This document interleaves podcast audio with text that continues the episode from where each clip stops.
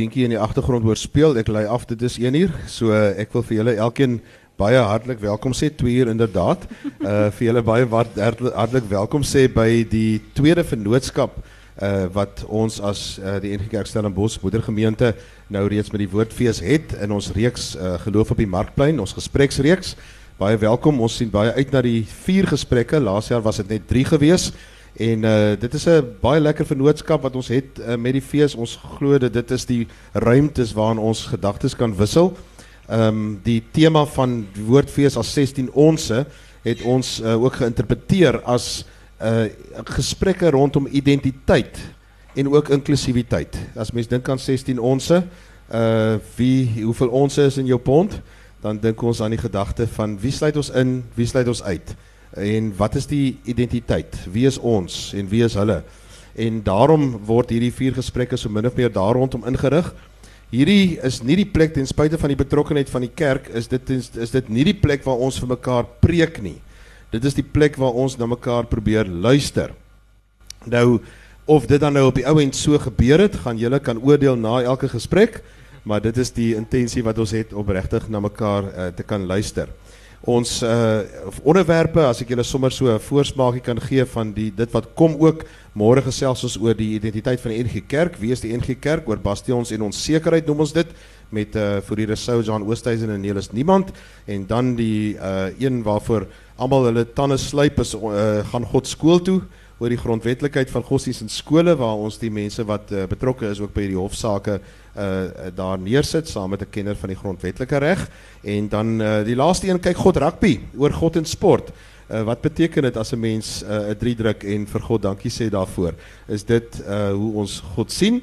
Nou ek wil dadelik sê iemand het my nogal uh, kom sien en my beskuldig daarvan dat ons onderwerpe daarin baie oppervlakkig is as daar soveel uh, drukkende uh, belangrike kwessies in die wêreld is uh, waaraan mense met aandag gee. Ek is oortuig daarvan ten spyte van die bietjie sensasionele formulering van die tema, is ek oortuig daarvan dat elkeen van hierdie temas as ons daarin afdelf, dat dit vir ons bring tot by die diepste sosiale uh breeklyne van ons samelewing en dat ons uh wanneer ons op hierdie oor hierdie onderwerpe gesels, dat dit ons kan help op die op die pad vorentoe. Um, ons is uh, dan vanaand uh, vir vanmiddag nou vir die eerste onderwerp gesels ons oor is God onsydig oor God en gender? Uh, as jy wil ek hoor mense praat ook in Afrikaans van gender. So uh, God en gender of uh, God en gender. Uh, is God 'n man? Is God 'n vrou? Is God onsydig? Maar ek vermoed ons gaan by baie meer as dit uitkom. So ek is nou baie opgewonde om my uh, paneellede en gaste te verwelkom uh, hier op die verhoog Ehm um, hier aan my link van my linkerkant af is uh, Louise de Tooi. Louise, uh, behalwe dat ons saam op skool was wat nou 'n lekker koneksie uh, uh, vir vir ons ook is, is sy tans die voorsitter van die departement filosofie hier by Stellenbosch. Sy uh, het spesifiek ook oor hierdie sake haar navorsing gedoen. Haar DNA-navorsing wat ook gepubliseer is, is a philosophical invest investigation of rape, the making and unmaking of the feminine self en uh, sy publiseer ook baie rondom uh, veral die betekenis van seksuele geweld in ons postkoloniale samelewing en uh, kyk ook na die politieke funksie van seksuele identiteite. So absoluut op hierdie tipe van goed wat ons nou ook uh, vandag uh, oor gesels. Uh, langs haar sit uh, Julie Klasens. Julie is 'n uh, professor in Ou Testament uh, hier by die uh, fakulteit teologie na 13 jaar van studie in klas C in Princeton, né? Nee? Was jy was gewees dink ek? Verskillende plekke. FSA uh, in elk geval en uh, haar fokus navorsingsgewys is op menswaardigheid. Uh, haar mees onlangse boek, uh, ek het vir gevra sy 'n paar daarvan ook saambring is Mourner Mother Midwife Reimagining God's Liberating Presence wat in 2012 uit haar pen verskyn het. En dan uh, langs haar sit Lori Gelm. Lori is 'n NG proponent verbonde aan die Sentrum vir Christelike Spiritualiteit waar hulle fokus op kontemplatiewe spiritualiteit en waar hy ook uh, aksies vir sosiale verandering uh, bestuur en en fasiliteer. So dis baie lekker om vir julle drie hier op die verhoog te hê. Ons het sommer ooreengekom vriende dat rondom die tema ek vir hulle elkeen so 4 5 minute gaan gee. Ons so basies hulle indrukke daar rondom weer te gee en uh as daar enige vragies is wat wat ek vir opklaring benodig sal ek dit vra. Uh en dan gaan ons doodgewoon die uh vloer oopstel en gaan dit van julle afhang hoe lewendig die gesprek is en sal ons uit die gehoor vra en opmerkings kry en kan ons daarop verder reageer. In die uh onderwerp het ons basies drie vrae gestel en die paneellede hoef nie noodwendig net daarbey aan te sluit nie, maar hulle kan uh die vraag in watter mate stempel uh uitgediende godsdienstig verskanste idees oor gender en verhoudingsrolle nog steeds hoe ons samelewing vandag gedefinieer word. Gegee die feit dat die Bybel in 'n patriargale uh, samelewing tot stand gekom het, wat is die effek tot op hierdie dag? Tweedens is daar nou eintlik enigstens ruimte vir 'n manlike en vroulike identiteit? En dan gegee die bietjie kerklike aard of geloofsaard van hierdie gesprek ook, kan die Joods-Christelike tradisie ons help of het ons soos ons dit daar gestel het, help hulle ons van die wal af in die sloot. So ek gaan eers vir Louise vra, sommer net Louise, jou algemene inleiding oor die onderwerp. Goeiemiddag, baie dankie vir die uitnodiging Johan. Um, dit is vir my 'n voorreg om hier te kan wees. Kan julle my hoor? OK. Goed, ehm um, so ek het onlangs gelees dat die situasie van vroue wêreldwyd het baie verbeter die afgelope 20, 30 jaar. Dis 'n internasionale studie wat gedoen is oor die situasie van vroue in opvolg van die groot konferensie by Beijing in 1995 oor die status van vroue wêreldwyd. Hulle het bevind dat dit gaan baie beter met vroue in terme van toegang tot gesondheid, tot primêre onderwys, ehm veral daai twee goed. Ehm um, het daar het daar groot vordering gekom die laaste paar jaar. Maar die twee fronte waarop dit eintlik slegter gaan met vroue is politieke deelname en politieke mag is die een en die ander een is dat seksuele geweld teen vroue lyk asof dit absoluut net aan die toeneem is wêreldwyd. So dit is dit is vir my baie groot bekommernis, baie groot vraag, iets waarmee ons in Suid-Afrika baie groot probleme het, maar is wêreldwyd 'n probleem. So teen daai agtergrond dink ek is verskriklik belangrik hoe ons oor God dink en oor God se transformerende liefdevolle teenwoordigheid in die wêreld dink. So ek het soos 'n goeie preek, 3 punte Johan. My eerste punt. Moet 'n grappie ook wees. Dan moet 'n grap. ek sal probeer. Die eerste een is dat ehm um, ek ek dink nie ons kan wegwens of verdoesel of ontken dat ons 'n oorweldigend manlik gedomineerde, manlik geprivilegeerde godsdienstige tradisie geërf het nie. Dis doodgewoon so as jy net tekste gaan kyk hoe daai tekste hanteer is en ontvang is deur die eeue en dat die vroue in die amp kwessie is nog steeds op je agenda. Die, dat is nog steeds een klomp problemen rondom vrouwen in machtsposities in die kerk. Um, en so, ek dink nie ons moet dit afmaak vir water of ontken. Dit gee die heilige skrifte, die tradisie van die godsdienst gee 'n volsla eensydige manlike beeld van God. Um, dan terselfdertyd word die word vroulikheid en veral vroulike liggaamlikheid en vroulike seksualiteit word in hierdie selfde tradisie gesien as die as die hoogtepunt, die paradigma van wat profaan, mindaan en sondig is, né? Dit is dit is seksualiteit en baie dikwels aan die vrou se liggaam gekoppel wat die grootste pr probleem is waarteen die manlike godsdienst homself moet verweer. Ehm um, so dis moeilik om ons in te dink waar teenoor 'n soort van 'n manlik gedomeineerde godsdienst homself sou opstel as vroue en hulle liggaamlikheid en hulle seksualiteit nie die teenvoeter was vir hierdie manlike god nie. Ehm um, ek wil so ver gaan as om te sê dis 'n vrou vreesende en 'n vrou hatende tradisie wat ons geërf het. Ehm um, en daarom die feministiese uitdaging, die feministiese aanklag teenoor die godsdiens kan nie maklik net in die godsdiens geabsorbeer word nie. Ehm um, die godsdiens sal moet 'n metamorfose ondergaan. Ons sal sal diep en ernstig moet gaan dink oor ons oor ons grootste verhale, oor ons narratiewe, oor ons breedste verwysingsraamwerke as ons hierdie probleem wil aanspreek. Die godsdienst kan nie ligweg daaroor gaan of soos hulle soms in die Engels sê, um add women and stir, né? Soos 'n resep. Jy maak sommer net maklik korte mette van hierdie probleem van vroue. Klits hulle net in. Dit dit gaan nie so werk nie. So dis my eerste my eerste punt. My tweede punt is ek is baie um, geïnteresseerd alhoewel ek nie 'n kenner is nie, maar geïnteresseerd in die katolieke tradisie wat tog baie maak van vroue in die godsdiens, in die uitbeeldings. Um, dit is vir ons protestantse sensibiliteite amper lasterlik, is vir ons skokkend om te sien hoe staan Moeder Maria met haar blou kleed en omhels al die gelowiges van die wêreld op sommige van die skilderye wat ek gesien het. Of hoe word Maria nadat sy na die hemel opgevaar het, hoe word sy gekroon deur God die Vader as die as die as die godin van die hemele?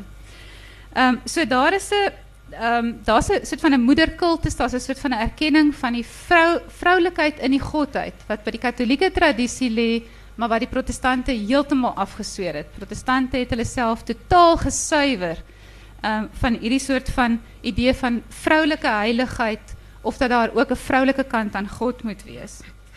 Ehm um, ken natuurlik ook baie katolieke vroue wat sê maar die figuur van Moeder Maria is vir hulle nie 'n bevrydende figuur nie. Staan Maria vir die soort van vrou wat 100% ehm um, gedienstig is, gehoorsaam is aan die patriargale godsdienst. So so ek sê nie dit is sonder probleme nie, maar ten minste het mens daar baie uitbeeldings van vroulike heiligheid wat wat ons in ons tradisie mis.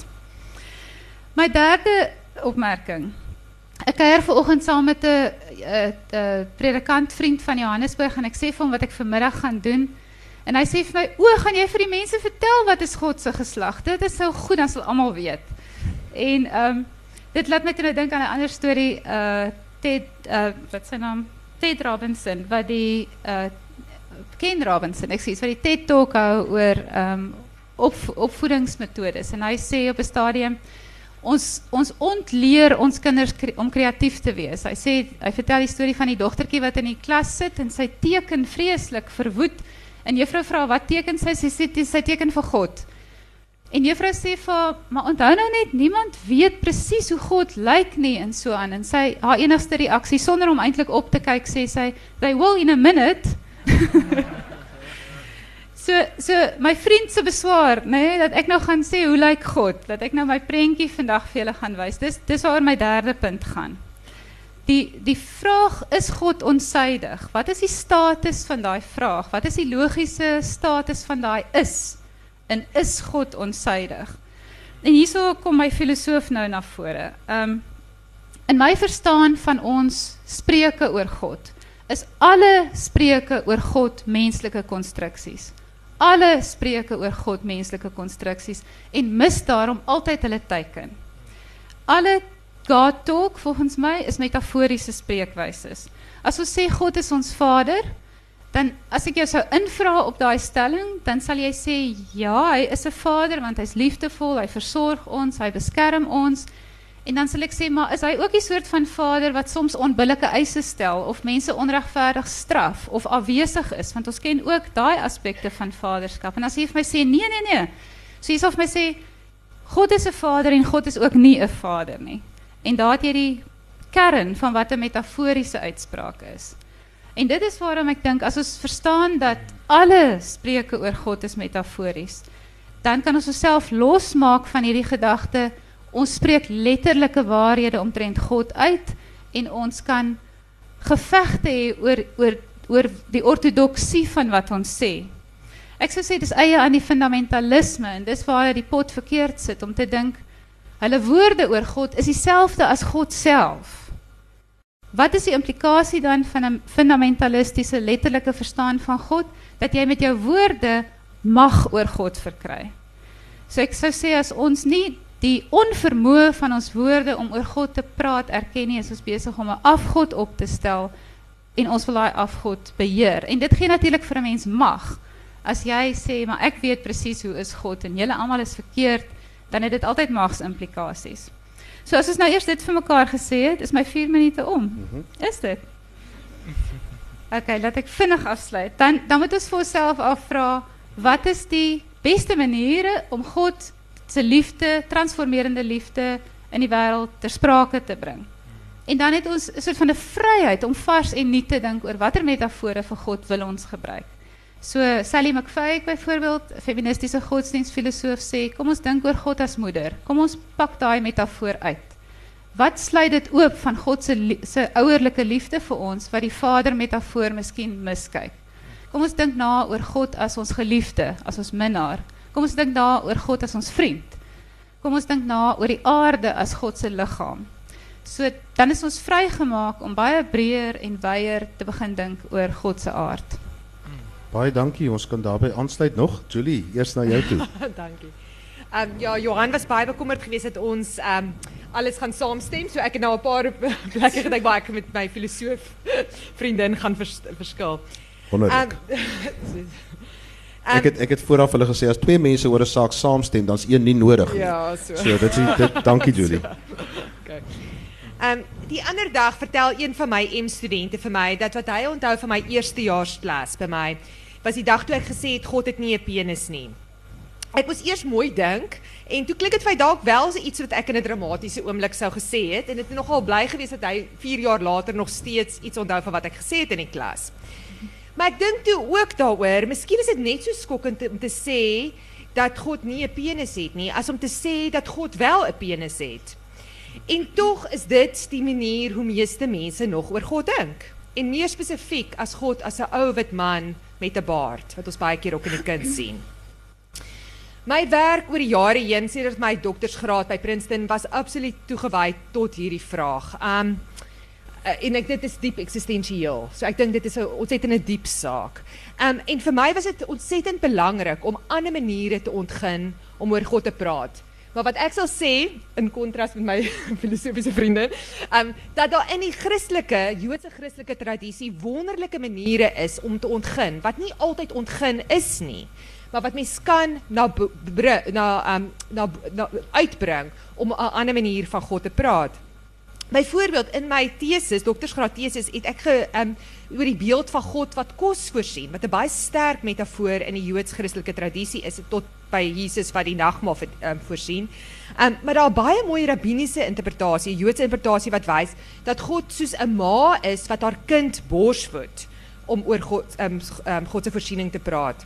Nou baie jare voordat ek eintlik my dogtertjie Susan gehad het en die vreugdes sowel as ook die uitdagings um, gesmaak het van borsvoeding, um, het ek geskryf oor hierdie ervaring van 'n babatjie wat totaal afhanklik is van haar ma vir haar daaglikse behoeftes. 'n Wonderlike manier om oor God se sorg te praat. Nou in 'n latere boek, sien die to die topik wou ek nie laat wou nie my nie laat los nie en ek wou ook nie die topik laat los nie het ek toe verdere beelde ook probeer ontgin uit die um, um, um, Bybel, die Ou Testament wat ek die meeste oor skryf. Um, wat ander maniere is om oor God te praat. In, in hierdie boek wat ek 'n paar kopieë van het, as julle sou belangstel meer te lees hieroor, um, het ek geskryf oor 'n God wat huil wat soos die professionele weeklaars in die ou nabye ooste wat meeste of altyd vrouens was, huil oor die lyding en die onreg in die wêreld. 'n God wat geboorte skenk, wat met pyn en vreugde nuwe lewe in die wêreld bring.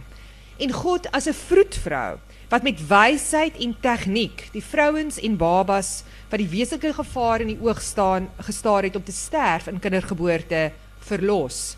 Soos ons ook Afrikaans die mooi woord vir ginekologie as verloskunde sê dit vir nogal iets daarvan. Hierdie beelde help vir ons om God op 'n ander manier te sien as die autoritaire manlike figuur wat so ons so dikwels in die patriargie leer ken het. Dit breek nuwe perspektiewe oop wat vir ons lewensgewend is. Wat gegrond is in waardes soos omgee, sorg, versorg, bemagtig. Waardes wat ons kan sê tipies met vroue geassosieer word, maar waardes is wat almal van ons, mans en vrouens, vir ons eie beswil moet ontwikkel. So wanneer ons oor Godstaal praat, sou ek ook sê daar's drie perspektiewe wat vir ons belangrik is. En in die eerste een wat ek ook wou uitwys is dat ons taal metafories is. En ek bedoel dis interessant dat die Bybel op baie baie verskillende metafore oor God praat. Ek weet nie of julle weet nie, maar God word uitgebeeld as 'n arend, 'n rots, 'n maabeer, 'n um, 'n ma, pa, pottebakker, soldaat, koning, 'n um, herder, regter en nog vele meer. En dit is asof die Bybelskrywers reeds wil sê dat God kan nie in een beeld vasgevang word nie. Die God van Israel is nie 'n afgod uit steen of hout soos wat van die ander volke gedien het nie. Um en wat ook net wil aansluit by wat Louise gesê het van die uh, die feit is metaforiese taal is baie sterk dat dit is soos amper soos ons vinger wat na die maan verwys. En ons weet ons vinger is nie in die maan nie. So ons taal dui op God, wys op God, maar maar dit is nie God nie. Um En tweedens moet mens eh, weet eh, daarmee ook saamgaan. Wil ek ook sê vir my is die persoonlike hoekom ek nie sal sê God is onsydig. Baie mense praat van onsydige taal vir God, maar ek wil nie die wonderlike beelde soos God as 'n ma of 'n ouma of 'n vriendin verloor om te praat oor oor wie God is nie. Tweedens kan ons ook sê God se taal is kompleks. soos mense ook maar kompleks is. Um en um, Louise het ook die voorbeeld genoem van um die afwesige vader of selfs mens kan sê 'n vader wat sy kinders seksueel um um uh, mishandel. Um so dis uiters problematies om te verstaan ook dat hoe mense wat sulke ervarings van hulle eie vaders het, wat hulle sal hoor as hulle sê maar God, God is 'n vader. So daarom is dit ook so belangrik dat ons ook krities sal staan teenoor van die beelde wat vir God gebruik word in die Bybel. Um ook as God uitgebeeld word as is as 'n verkragter of God as 'n vroueslaander wat mens ook in die Bybel Bybel sien. Um daarom word ons as Bybellesers uitgenooi om ook um um, krities en uh, te lees en ook te, te leer oor waarom is hierdie tekste um, het hulle op 'n sekere manier oor God gepraat. En dan sou my laaste punt wat ek wil sê is om vir, aan God te dink in beide manlike en vroulike terme. Laat reg geskied aan die mooi beeld in Genesis 1:26 tot 27 wat sê dat beide man en vrou in God se beeld geskep is. So wil julle weet hoe God lyk? Kyk rondom julle. sien hoe die mense hier rondom julle lyk en sien hoe hulle iets van God se glorie reflekteer. En omgekeerd, Mary Daly, uh um een van die eerste feminist um, teoloë het gesê die beroemde opmerking gemaak if God is male, male becomes God. Daarom as ons net manlike beelde oor van God gebruik, verhef ons manlikheid as superieur en loop ons die gevaar om mans in ons midde klein goetjies te maak.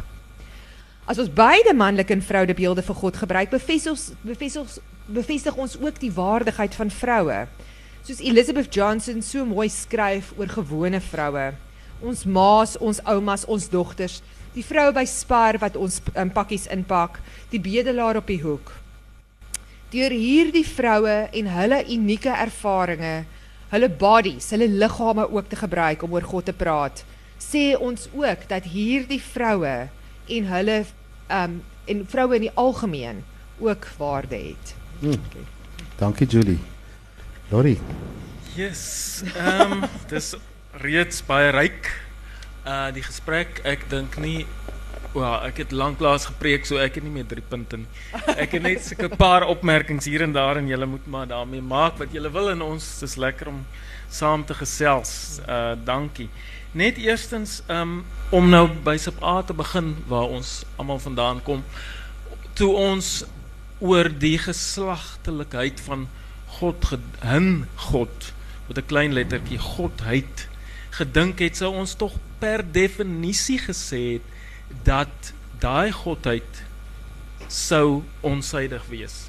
Dit sou nie 'n man of 'n vrou in die eerste plek daai ons sou ehm um, dit waarskynlik dit noem as ons nou eerlik wees. Ehm um, maar daarom is dit so dit sê dit soveel oor ons dat ons hierdie gesprek voer en dan die aanname het maar die die probleem lê by die feit dat ons van God 'n man gemaak het en net by die Vader vasgesteek het en nie verder gekom het nie omdat um, ons eintlik ehm um, verlang in die patriargale samelewing groot geword het uh tot stand gekom het selfs vanuit die Bybelse tyd dat dit vir ons help vorm het dat dit al is wat ons raak sien en dat ons daarom nie meer meer kan sien nie en ek dink dit is presies die punt wat nou al hier gemaak is. Maar dan die Abrahamitiese gelowe ehm um, by uitstek ehm um, Islam as jy dit by die uh, Joods-Christelike tradisie sit is definitief uh, patriargale godsdienste miskien in iets soos die ehm um, Boeddhisme uh, sien ons meer moontlikhede. Ek weet nie, ek ken dit nie so goed nie die Hindoeïsme uh beslis. Maar dit getuig alles van hierdie manlik gestruktureerde wêreld wat ek soms gebruik om patriargaal bietjie beter te beskryf waaruit ons nou groei. Want ons as 'n samelewing groei, dank Vader. Ons ehm um, bly nie dieselfde nie. Ons ehm um, ontdek dat slawe dat mense nie aan ander mense kan behoort nie dat mense gelyk aan mekaar is swart en wit.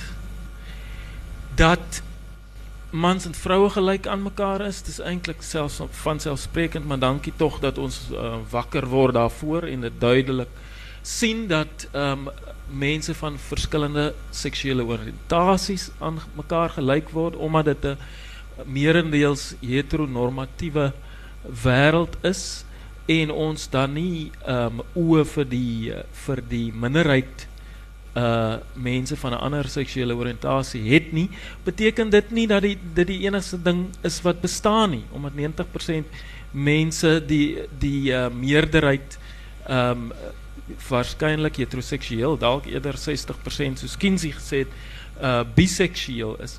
Ehm um, jy weet beteken dit nie dat as ons nie daarvan weet nie, as ons nie sensitief daarvoor is dat dit nie bestaan nie. So ons raak groter, ons ons groei en ons leer meer van die wêreld en van mekaar ken.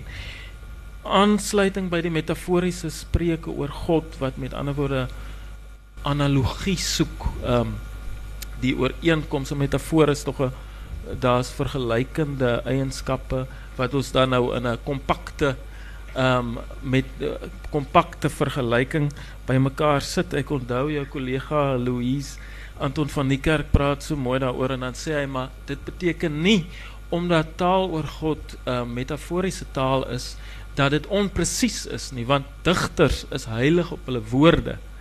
Ek hoor hom so in my kop amper dit sê. Ehm um, en so hulle is presies oor wat hulle oor God wil sê as oor wat ons oor God wil sê. Dis nie noodwendig onpresies nie, maar dit is metafories. Dit is wat ons het. Ehm um, maar daarom omdat dit so dinamiese taal is, bring dit ons dalk by stilte uit en ek dink uh van die kerk praat ook van aanbidding.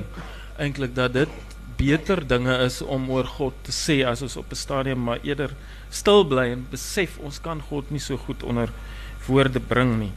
Ehm um, dan net ja, vanuit my ervaring wat ek moes preek in 'n oorwegend gay gemeente waar daar uh spesifiek ook gay vroue of vroue wat hulself as uh lesbies identifiseer um gesit het het vir my net laat besef en hulle het vir my ook gesê luister hier as jy vir ons wil preek oor hierdie God dan kan die God nie net manlik wees nie want vir ons om te identifiseer daarmee um soek ons 'n God wat meer sensitief vir ons eie ervarings is vir wie ons is. En daarom het ek myself probeer leer om dan baie van God te praat soos wat mense nie eintlik in in ehm um, Afrikaans doen nie maar om te sê om maar elke keer God en God en God en nogmaals God te gebruik. En ek dink uh Julie sê dinge van waarde dat ons miskien ver, kan verruim deur deur beide geslagte in te bring. En dan ook net ehm um, 'n ervaring wat ek gehad het met um transgender mense um wat waar ek 'n span bou vir 'n organisasie gedoen het en net weer besef het maar jy weet hoe vloeibaar hierdie ding van gender is selfs van biologiese geslag in hulle sin dis iets wat in ons tyd ontplof. Dit is dis hoe die um samelewing ook gegroei het die afgelope jare om te besef hoe kompleks hierdie ding is dat dit net net in twee kategorieë kan verdeel word nie dat mense keuses maak omdat hulle dink dit is meer getrou aan wie hulle is en wie hulle gemaak is in die beeld van God in die eerste plek en daarom dat hulle hierdie oorgang tussen geslagte maak en dit wys jou net hoeveel moontlikhede daar daar is hoe vloeibaar da, dit is en dat ons definitief nie vir God in die boksie van van geslagtelikheid kan indruk nie Baie dankie. Ek gaan so twee kort uh, opvolgvrae net vra uh, Lori wat ek by jou hoor, kyk die sogenaamde LBGTIQ. Lesbian, bisexual, gay, transsexual, intersexual en die kies dan vir questioning, né? Nee.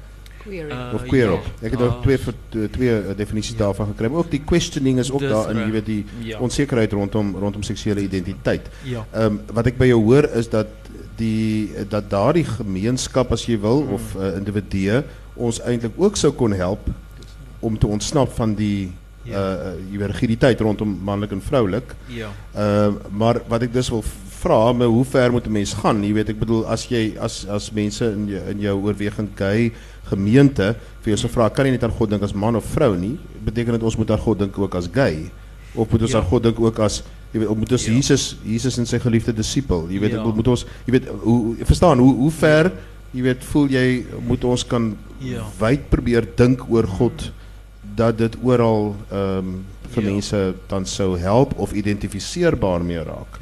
In my eie reis met my seksualiteit en so voort, ehm in terme van my geloof en my roeping ook het was dit vir my baie belangrik om met die met die metafoor van God as ag die mens as beeld van God en myself dan daarin te belewe en wat dit vir my beteken in daai worsteling ehm met God ehm en my verhouding met God. Ehm het dit vir my beteken maar vir my en my toeëiening daarvan beteken dat God ook vir my sê dit is goed. Jy weet in my konteks. En dit beteken vir my dat ek daai ding van uh gemaak na gay as beeld van God moes ook toeëien, jy weet, en dit is vir my van geweldige waarde en ek dink dit kan binne ander kontekste vir ander mense ook uh dieselfde geld. En ek bedoel dit maak net die die, die dinamika van daai metafoor ook oop. En ek dink so ons word uitgedaag daarop om dit wyeer breër te sien ook vanuit verskillende mense se kontekste. OK, nee nee baie dankie. En dan net voordat ek uh, oorgie aan die vloer, uh net vir Julian Louise, ek, ek wonder sommer net oor die vraagie wat ons gevra het oor is daar ruimte vir manlike en vroulike identiteit? En ek het eintlik net so 'n bietjie 'n 'n kritiese vraag net vir julle want dit dit dit uh, wat ek by julle nie hoor nie, is ek hoor nie uh kom ons kry die gemiddeld tussen man en vrou en ons bly in so grys area amorfe uh, soort van metafoor of, of hierdie onsydigheid nie.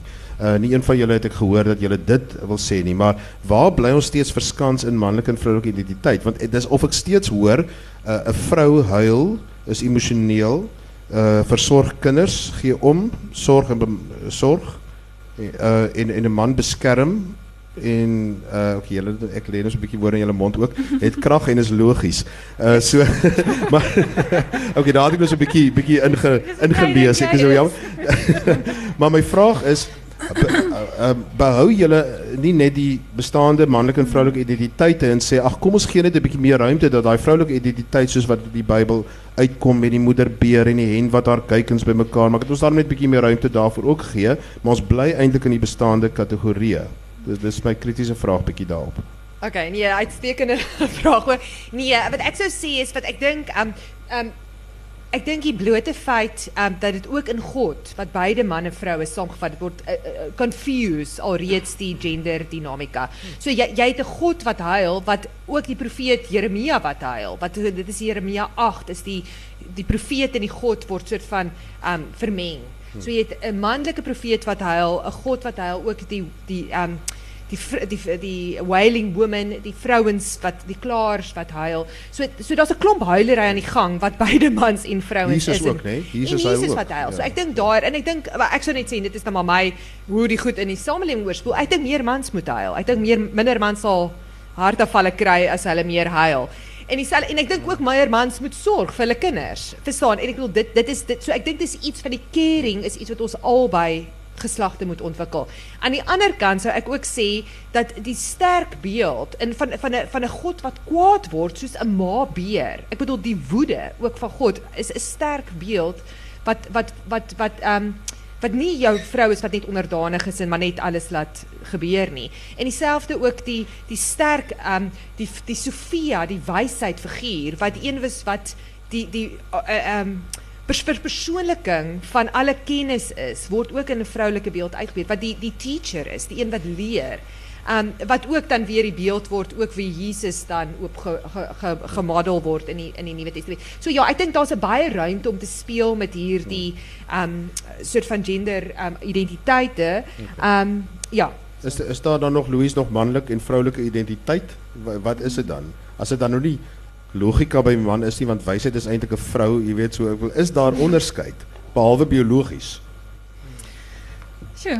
Ehm ek sou nie wou sê dat dit dat's dat's essensiële onderskeide nie, maar daar's tog vir my gevoel onderskeide wat opkom vanuit verskillend geposisioneer wees in die samelewing. Jy weet, so so so daar's nog 'n baie duidelike skrip vir hoe om vrou te word, hoe om feminine te wees eerder as masculine. ons polisieer ons seentjies verskriklik. Ek dink ons doen hulle groot onreg aan, jy weet, om hulle te stroop van hulle net maar meer natuurlike of instinktiewe gedrag van empatie en ehm omgee en emosioneel wees.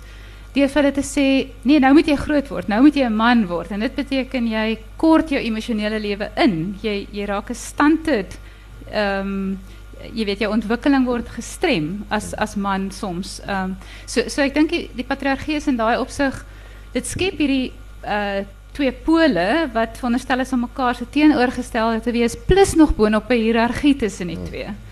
Dis sleg. Jy weet die oomblik wat 'n seentjie val in sy manlike skrip, dan raak hy 'n meisietjie. Dis die skelwoord. Jy's nou 'n girlie of jy's te sag, jy weet.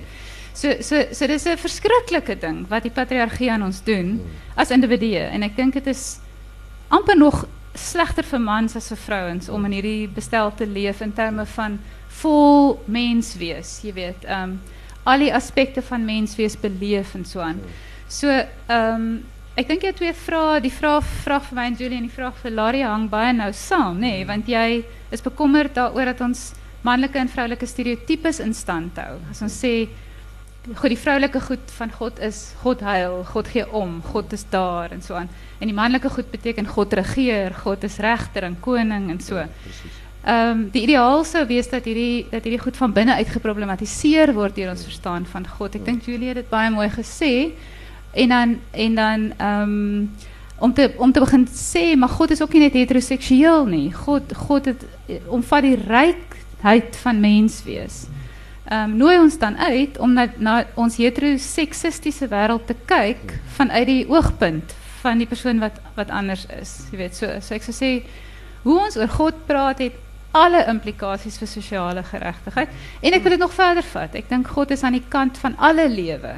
So ek wil dit verby mense ook vat. Jy weet wat vir ons meer van 'n groen God ook losmaak om te sê ehm um, God se sorg strek verder as die menslike spesies. God is bekommerd oor die aarde as geheel. Baie dankie. Ek het uh wat dit daai opklaring gehad het. Dankie daarvoor. Ek gaan nou vir is dit Gys, gaan jy die mikrofoon ronddra? Kan ons gou 'n aanduiding kry van wie wil graag reageer en 'n vraag aan die paneel stel? Ons het so 'n kwartier. Uh, baie dankie. Um as ek nou luister na die gesprekke, um dit voel vir my daar's nog steeds 'n groot behoefte om 'n spesifieke geslag aan God toe te ken, of dit nou manlik of vroulik is. En my vraag aan die paneel is hoekom hoekom voel ons nog so 'n behoefte om God in enige kategorie soos dit te plaas? I mean daar is tog beeldspraak soos God as vriend of selfs God as mentor wat buite daai geslagtelike norme tree. En hoekom word daar nie meer um, daarop gefokus nie? Kan ons eers baie dankie ek skryf neer kan ons dalk gou opvolg vra as daar enige iemand is wat dan kan ons die vrae dalk so 2 of 3 op 'n slag hanteer. Iemand spesifiek? Ja, uh, skiet, my vraag sluit eintlik baie goed by hom aan want ehm um, ek praat onder korreksie. Ek ken nie die Bybel so goed nie, maar as ek reg onthou was daar 'n vraag aan Jesus self gestel oor as iemand nou dood gaan wie wie wie se man of vrou is die persoon daarna dood? En het hy nie gesê ja maar dit gaan nie na dood saak maak wie met wie was hierdie persoon getroud en sy lewe nie want ehm um, en hy het iets gesê van gaan ons nie geslagloos of of ons gaan nie mans of vrouens wees na dood nie. Is is daar nie dis my vraag is is dit nie baie meer geslagloos ehm um, die die God self en miskien wat ons as mense na dood wat gaan ons wees? Gaan dit saak maak? Hm. Baie dankie. Ek gaan nog een vraag en dan kan ons dit eers bietjie gooi na die paneel toe. Is daar een daar heel agter regs?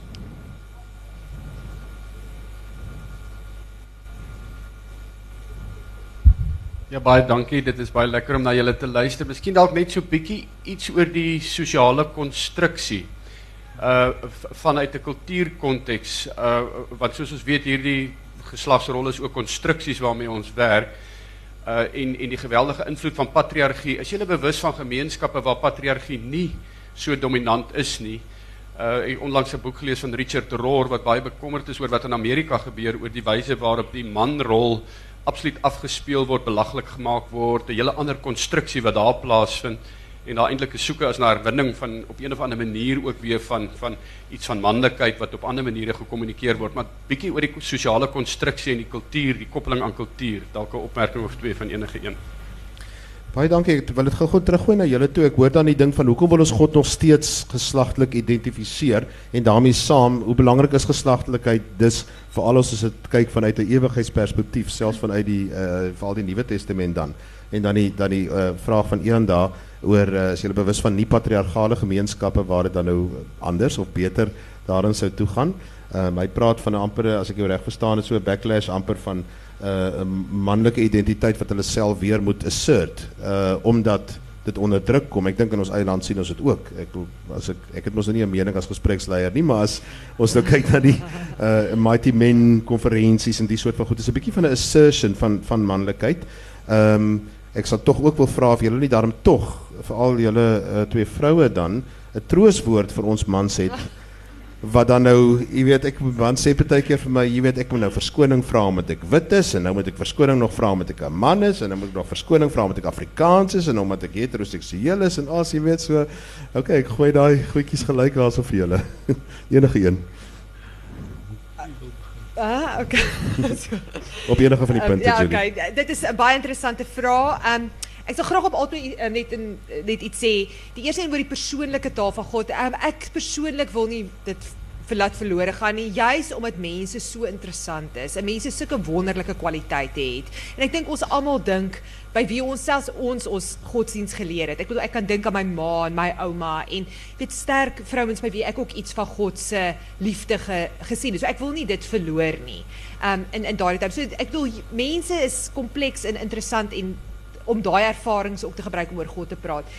Um ek gaan my nie self uitlaat oor die hiermal hiernamaals en hoe dit gaan wees en die nie, maar maar ek dink dis dieselfde ding. Weerens ons is ons is bodies en ek glo selfs in die teen die ehm um, maar die gnostisisme, daar's ek nou ook weer verkeer is 'n um, gevaarlike terrein, maar wat wat amper ons menslikheid ontken het. En ek dink weerens die Joods Christelik is baie sterk. Ons ons is ons is mense, ons is bodies. Die tweede ding wat um, Ian gesê het ook, ek bedoel daar's 'n absolute krisis in manlikheid en dit is wêreldwyd en ek bedoel dit is erg en my trooswoord is daar om te verstaan dit is staf. ek verstaan, ek verstaan dit. Dit is staf. Ons kan dit handle hoor. Ons mans kan Maar dit maar die ding is net en ek bedoel daar om iets te erken, om net te sê dit is staf, is om iets van mense vulnerability en weerloosheid te vat en en te face, om te sê ons ons probeer dit uitfigure. Help ons, kom ons dink oor hoe ons kan. En ek ek het wel gelees oor, ek weet nie of daar iewers 'n idilliese uh nie patriargale samelewing is nie ooit in die geskiedenis nie, maar wat ek wel gelees het is daar in, in Amerikaanse um, samelewing is daar communities, hulle noem dit ook die herrenhutters. En en dat in die gemeenskap het is is is baie ba- seentjies en uh, dogtertjies word grootgemaak sonder enige um, soort van daar's geen soos in guns of jy weet gewelddadige dat daar uh, ook 'n ander manier om konflik um te hanteer en wat hulle op op in die skole dit net op 'n ander nie patriargale manier en en dit is ongelooflik interessant dat iets soos geweld teen vroue bestaan amper nie in die gemeenskap nie. Ek het 'n artikel daaroor, Jan, ek kan vir jou dit gee.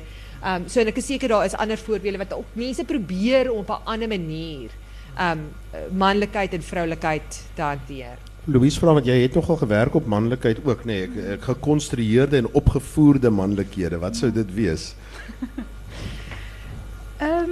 Ehm so, jy het my nou hier Ekskuus, van die uh, kant- antwoord soos jy wou antwoord, sorry.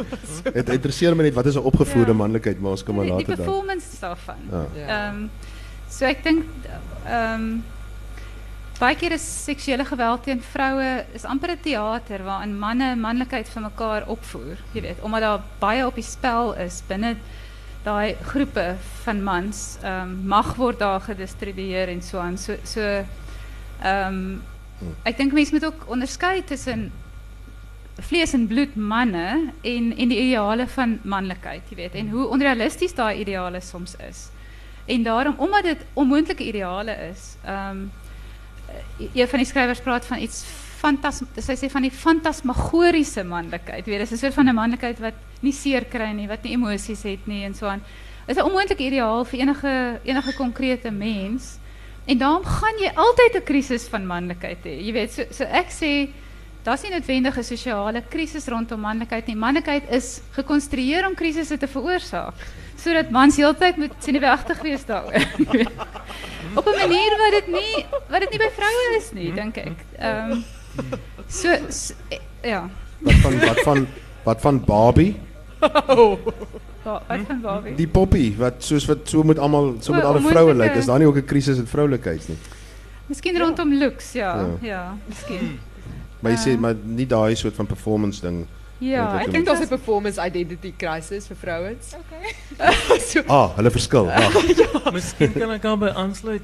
Johan, ons het 'n baie die sentrum waar ek by is, het 'n baie interessante projek in oor manlike spiritualiteit in Polsmoor tronk. En dit was oorspronklik ontwerp vir kerke.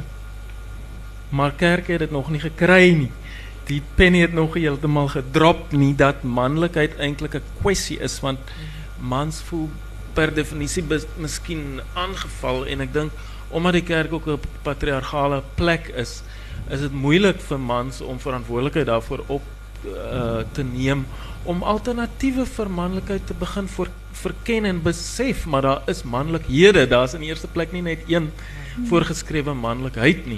En um, so ons skep juis ruimtes wat nou goed werk in die tronk, maar um, die die kerk het nog nie uh they didn't come to the party yet omdat ons nog nie besef die noodsaak daarvan en die uh potensiaal daarin omdat daar sulke skuwe in die samelewing ook plaasgevind het wat mans moeilik soms vind om by aan te pas. Ehm um, nou hoe kan 'n mens hulle ondersteun daarin om soms die geweld teen vroue en so aan vanuit 'n sekere perspektief word dit gesien as tragiese reaksies Hmm. op wat mans nie kan hanteer um, om aan te pas um, in die samelewing.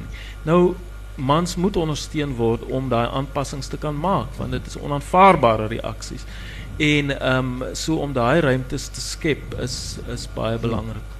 Baie dankie. Uh, ek wil graag nog uh, ons het 3 minute oor. Net graag nog kans gee vir so twee vrae of opmerkings. Daarso. En het ek nog eene daar? Daar hier aan die kant.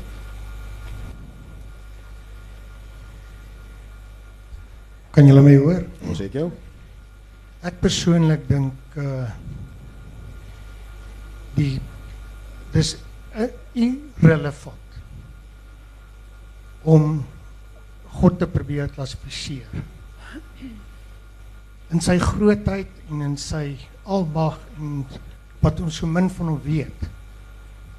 Dink ek om gesprekvoering te voer oor sy geslagtigheid is sinneloos. Die tweede ding dink ek, ou moenie toelaat laat 'n ou se seksuele oriëntasie ro- jou rasionele denkpatroon oor die godheid uh, beïnvloed nie. Die derde ding wil ek net vra